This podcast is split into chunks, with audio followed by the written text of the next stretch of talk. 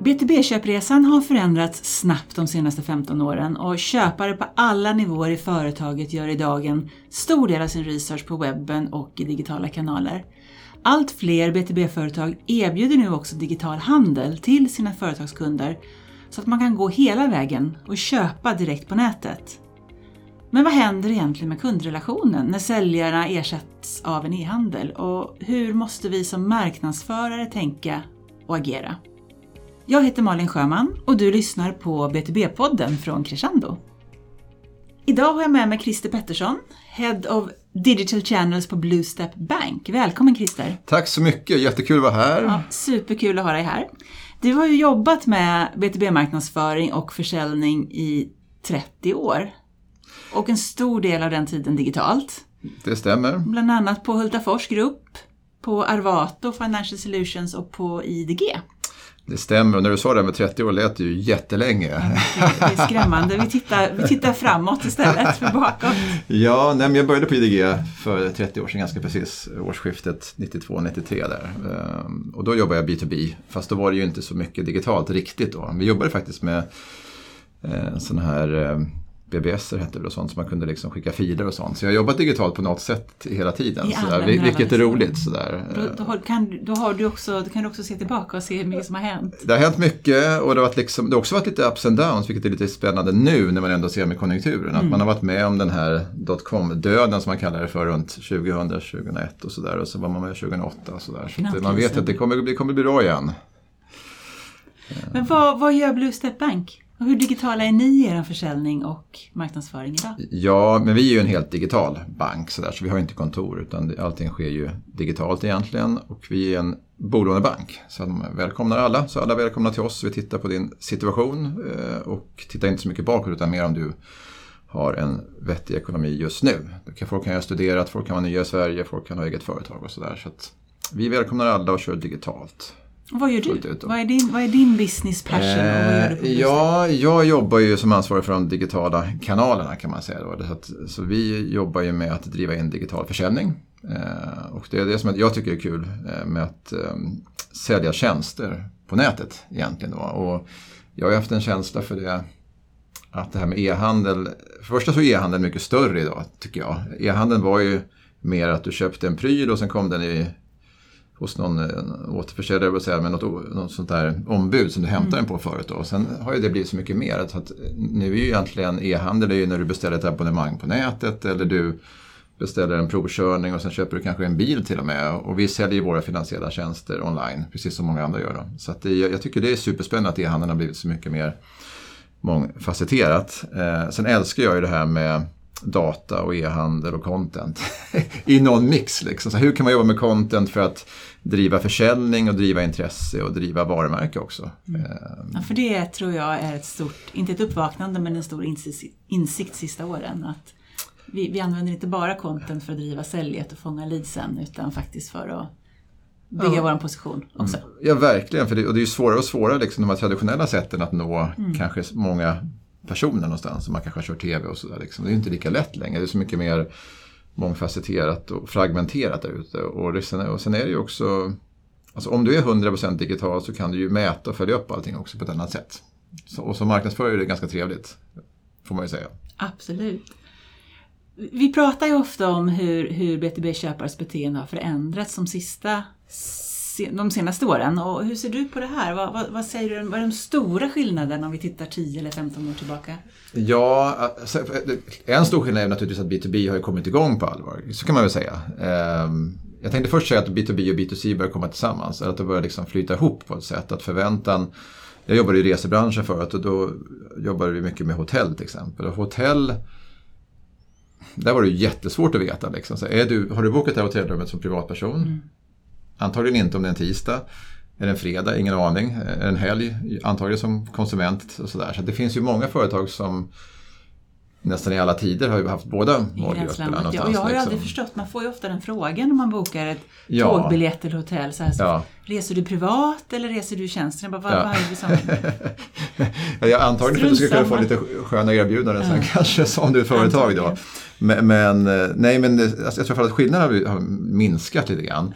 Men sen tror jag ändå, för jag har jobbat mycket med B2B genom åren och det är ju det är många som är mycket mer digitala idag och det är många också som inser att den digitala köpresan är väldigt viktig och att den också påbörjas mycket tidigare. Vissa kanske kontaktar för ett företag mm. men om du inte har en vettig närvaro online mm. så kanske du inte ens är med i det urvalet någonstans. Så du måste ju ha relevant content genom hela köpresan och gärna både innan, under och efter du har köpt en produkt. Mm. så att du är relevant hela vägen, eh, även efteråt. så du kan få lojala kunder som kommer tillbaka också. Eh, men, eh, nej, men jag, jag, jag, tror fortfarande att B2B är ju... Jag tycker B2B är superspännande. Jag brukar ju vara ute en del på IOM, för jag har varit engagerad i deras e-handelsutbildning i tio år nu. Så brukar jag alltid säga till dem så att ni ska satsa på B2B, det är det som är grejen. Det är så här, där det, finns ett jobb kvar att göra. där, där finns det jobb att göra, där finns det intressanta, liksom, det, det, det är större ordervärden.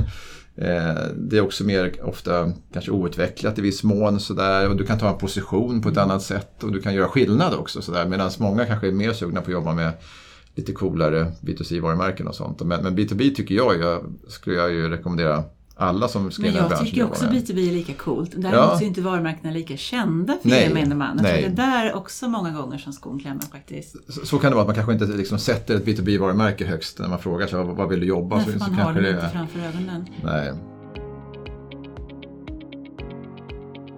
Hur vanligt är det då att B2B-företag faktiskt säljer digitalt? Inte bara har en digital närvaro, utan du verkligen kan köpa online? Alltså jag har ju en känsla av att det är otroligt mycket vanligare mm. nu. Eh, och eh, nästan alla har väl åtminstone en e-handel till sina befintliga kunder någonstans. Eh, sen finns det säkert några som kanske inte har gjort det än. Men, eh, och även många B2B-företag har ju börjat sälja själva till slutkund också, mm. både till B2B. Det beror ju på naturligtvis om man säljer som B2B-företag, att man säljer till en annan annat företag som ska använda produkterna. Mm. Många kanske säljer till en återförsäljare som sen i sin tur säljer till en konsument eller till ett företag eller någonting. Men det, det som det som har exploderat i alla fall, och det som jag jobbade med på min gamla arbetsgivare när jag var på Hultafors, det var mycket med marknadsplatser då. Att det är ju, eh, då tänker man mest på Amazon och de är ju störst naturligtvis. Mm. Men det finns ju många andra också runt om i Europa och i vissa länder finns det ju större marknadsplatser än Amazon. Det kan vara en fantastisk möjlighet för många B2B-företag att testa lite grann och säga att man ska in i Tyskland. Ja, men precis, och, och inte att, finns nå, där. att nå utanför sitt eget lands gränser alltså, utan att behöva rekrytera säljare och starta kontor. Ja, för det är jättedyrt. Ja. Det är som att doppa fötterna lite i en ny marknad och att internationalisera. Då kan det vara en jättekostnadseffektiv möjlighet att testa en marknadsplats. Då, mm. Om du har produkter, fysiska produkter naturligtvis. Då. Eh, för då kan du gå in där och i Tyskland så är ju Amazon kanske halva e-handeln. Det innebär ju att du når ganska många. Får du prova det här liksom. Du, det betyder inte att du kommer lyckas, men du kommer lära dig en massa saker. Du kommer se vad folk köper, du kommer se vilken feedback du får från kunder och du kommer liksom få en känsla för det i alla fall som du sen kan ta vidare. Sen kanske du vill öppna ett kontor mm. och anställa en säljare också för att det går bra.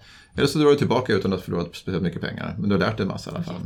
Men vad, ähm. vad, vad, får det här, vad får det här för påverkan på marknadsföringen då? Om, om vi ja. inte längre har en säljare där ute utan vi hjälper våra kunder att göra det möjligt att köpa direkt?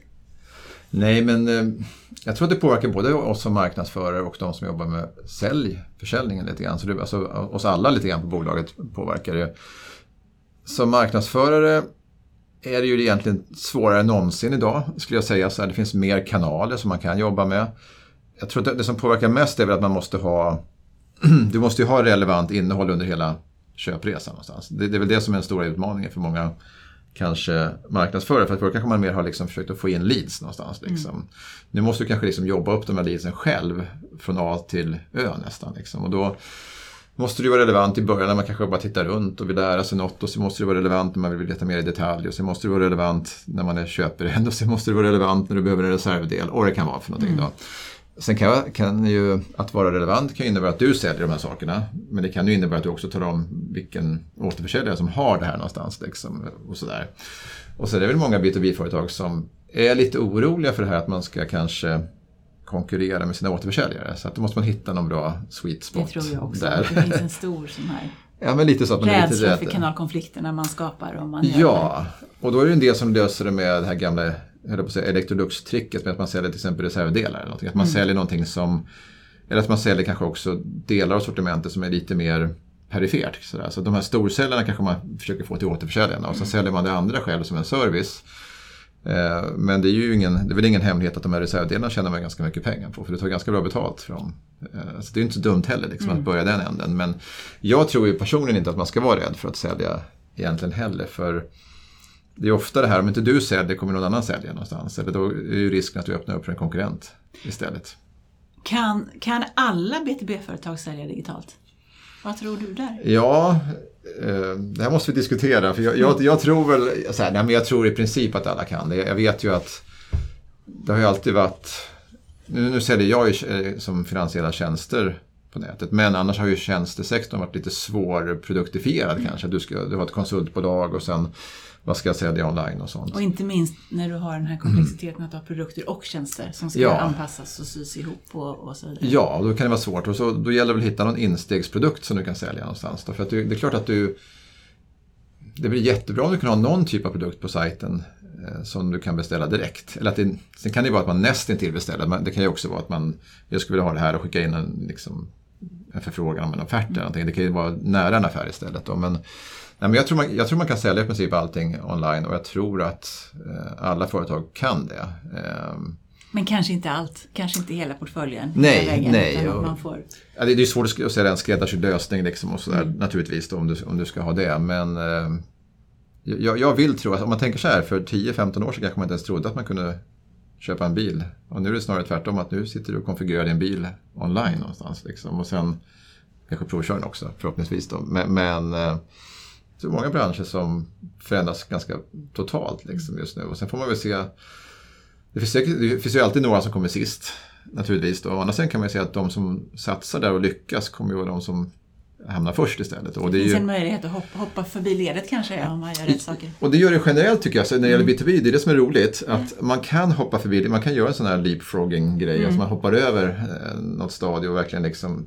Så även om du är liten inom B2B och dina stora B2B-konkurrenter är lite trötta eller inte lika snabbfotade, mm. då har du ju chansen. Mm. För det, i den digitala världen finns det ju ingen koppling egentligen till att du var ett stor i en analog värld egentligen. Utan du vill ju du konkurrerar ju nästan på lika villkor. Mm. Nästan. Det är klart mm. att de stora varumärkena kanske syns och hörs mer online generellt och har mm. lite fördel av det. Men du har ju en helt annan möjlighet i alla fall. Och du har ju ofta mindre, mindre legacy i väggarna och lättare ja. att testa nya saker och liksom ja. prova på nya sätt.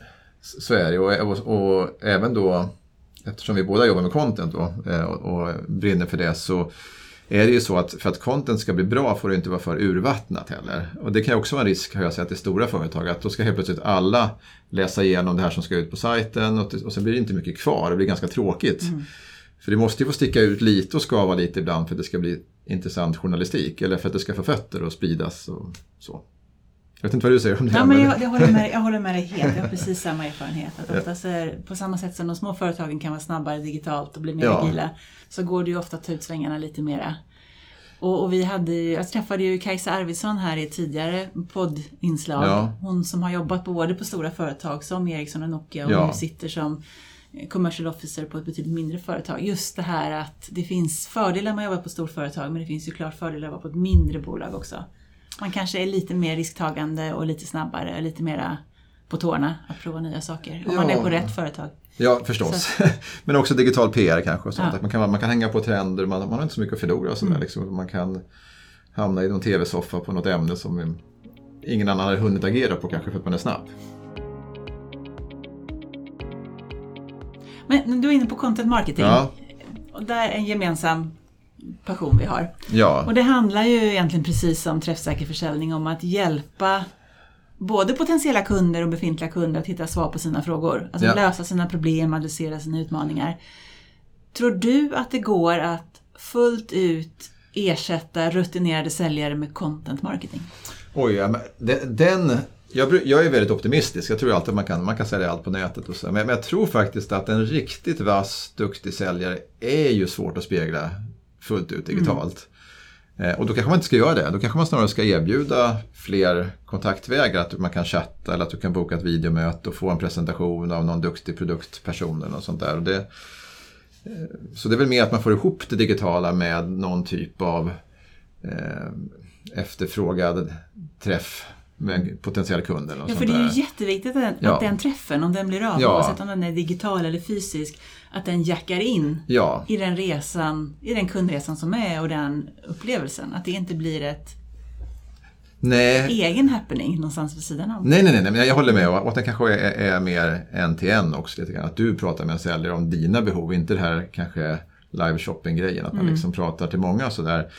Eh, men jag tror också att man faktiskt, eh, nu pratade vi lite snabbt om det innan också, men, men jag tror vi har lite samma syn på det här med, med chattar också. Att det, det är, när man chattar vill man gärna chatta, i alla fall i en B2B-kontext, vill man chatta med en person och få hjälp. Och ibland kan man ju bli lite frustrerad när man bara eh, slussas runt av någon chattbot och, och sådär. Liksom, som kan fungera eh, ypperligt i en kanske konsumentkontext där man frågar efter en öppettid. Men inte om du frågar om någonting som handlar om dig och dina behov. Sådär. Exakt. Då funkar det ju sällan. Det finns ju ganska många varianter vad man kan skriva där. Man kan skriva live chat, levande person, Ja. verklig agent och så brukar man testa igenom det där. Vad är det som den här botten triggar på för att jag ska få prata med någon?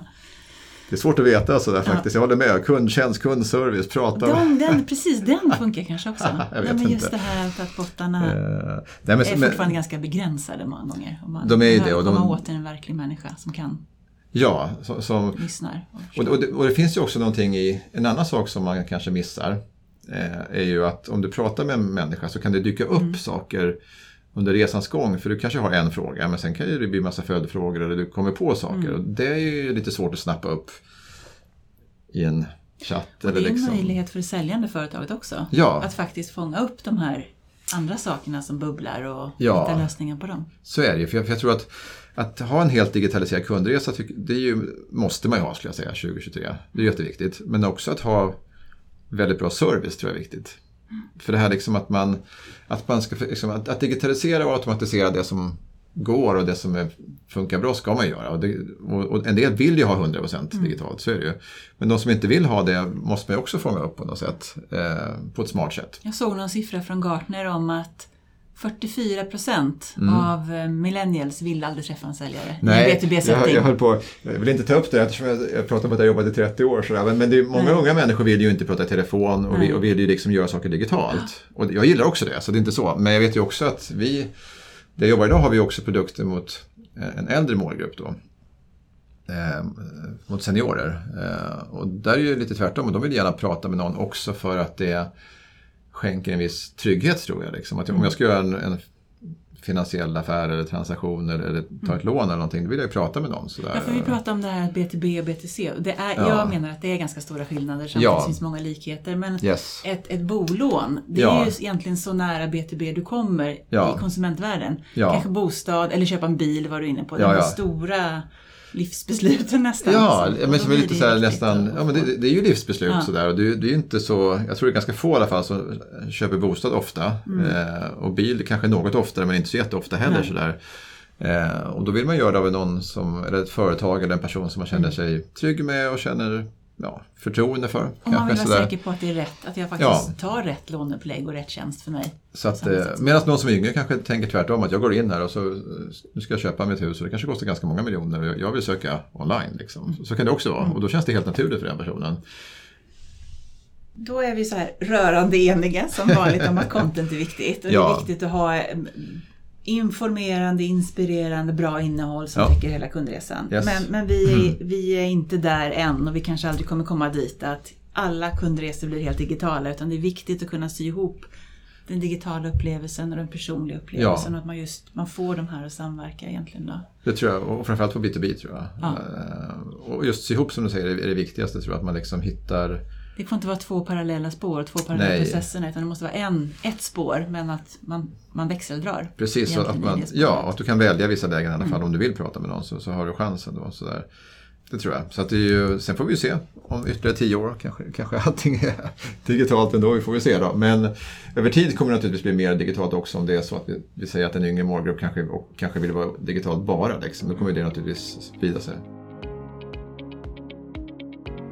Hur, hur ska man då lyckas med content marketing i en sån här digital värld? Om det blir, det blir inte, content är inte grädden på moset utan det är liksom det, det är botten i prinsesstårtan, det måste Ja. bara funka. Hur håller Yes. man fokus och, och inte blir överväldigad över allt man måste göra nu om man ska ta ett större ansvar i säljprocessen och köpresan? Ja, nej men Jag tror att för det första måste man ju vara väldigt tydlig, sätta upp tydliga mål. Sådär, tänker jag.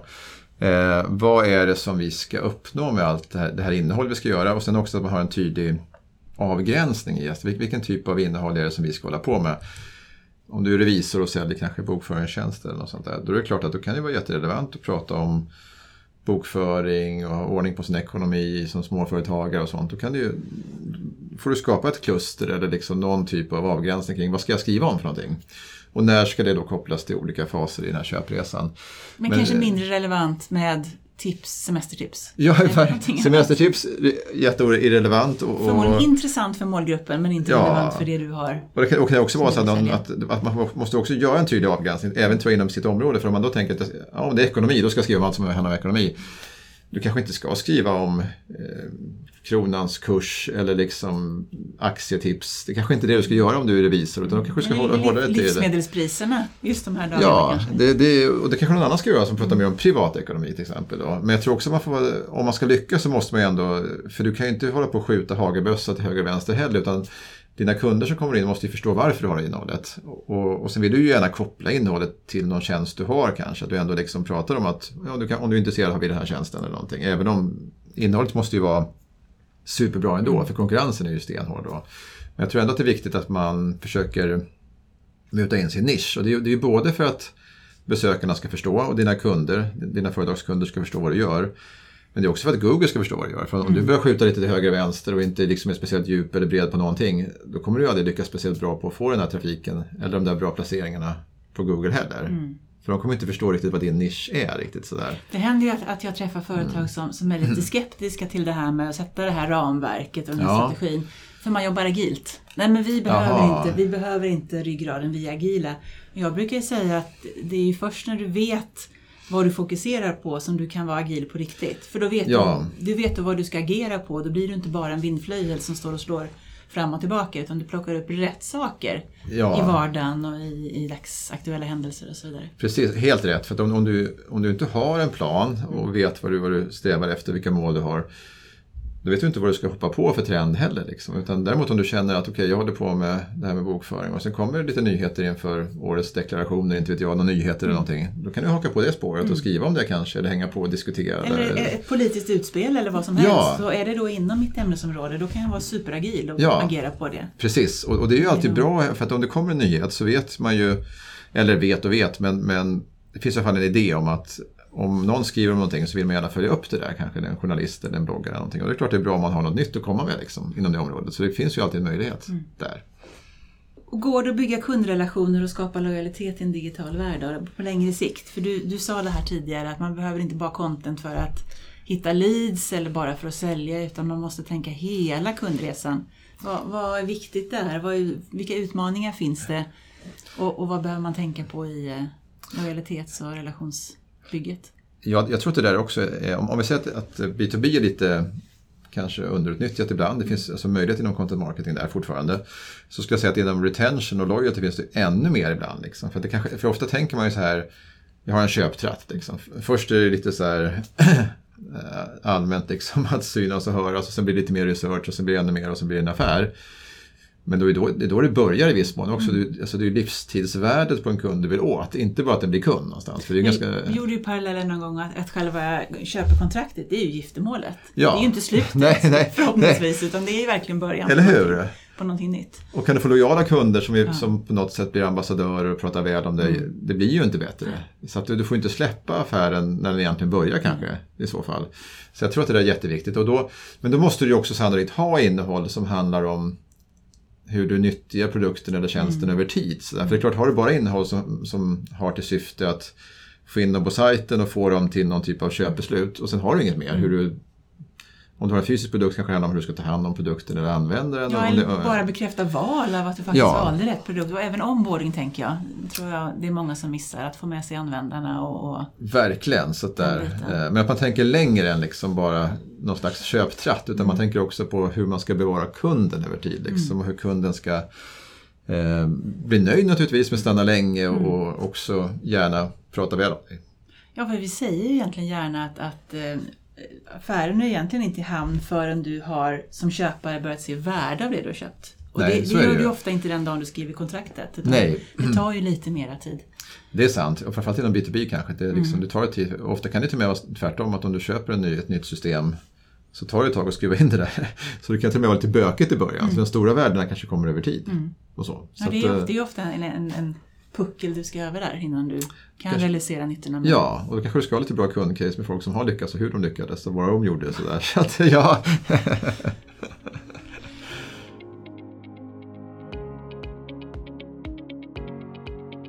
Ser du att det finns skillnader i hur olika typer av B2B-företag jobbar med sin marknadsföring och försäljning? Skiljer det sig mellan liksom produkt och tjänstesäljande företag, små och stora? Mm. Du har ju varit inne på både, du har jobbat i mindre och för större företag. Ja. Du har jobbat med både produkter och tjänster. Och, Ja, det, det är sant. Och det, jag, tror, jag, tror, den är, jag tror att den är lite svår att svara på. På ett sätt skulle jag ju säga att sannolikt så kanske stora företag ligger lite före för att man har resurser på något sätt. Eh, Men vissa små företag kanske ligger allra längst fram för de har fokuserat på det. Eh, Sen har jag ju jobbat mycket med både produkter och tjänster, men produkter ligger väl kanske i viss mån lite före, skulle jag säga. För produkter är ju lite lättare att sälja online eh, och att, och att digitalisera. Det kan ju vara svårare att digitalisera en tjänst som är konsulttimmar riktade till dig och dina behov någonstans. Sen vet jag inte, jag tycker, jag tycker det där är lite svårt för det handlar mycket om kulturen på bolaget kanske också. Sådär. Att finns det en, en tilltro till det digitala, eh, ligger man nära sina kunder, lyssnar man på dem, då har man ju redan digitaliserat. Sen finns det kanske ett motstånd för att många är vana att jobba på ett annat sätt. Sådär. Att, eh, det fungerar väl som det alltid fungerat, vi, vi kör på som vanligt och sådär. det är tillbaka Eh, till Jim Collins gamla Good is the enemy of great. Det har ju funkat, Ja. det rullar på. Vi, vi, når, vi når vårt resultat och vi når våra mål. Varför, varför ska vi liksom... Men den, den, den där är så bra, good is the enemy of great. För, för grejen är att om man inte har någon sån här sense of urgency, eller vad man ska säga, att om man, om man tycker att det bara tuffar på, även om det bara tuffar på flät eller till och med lite ner, så kanske man inte är så förändringsbenägen någonstans. Då.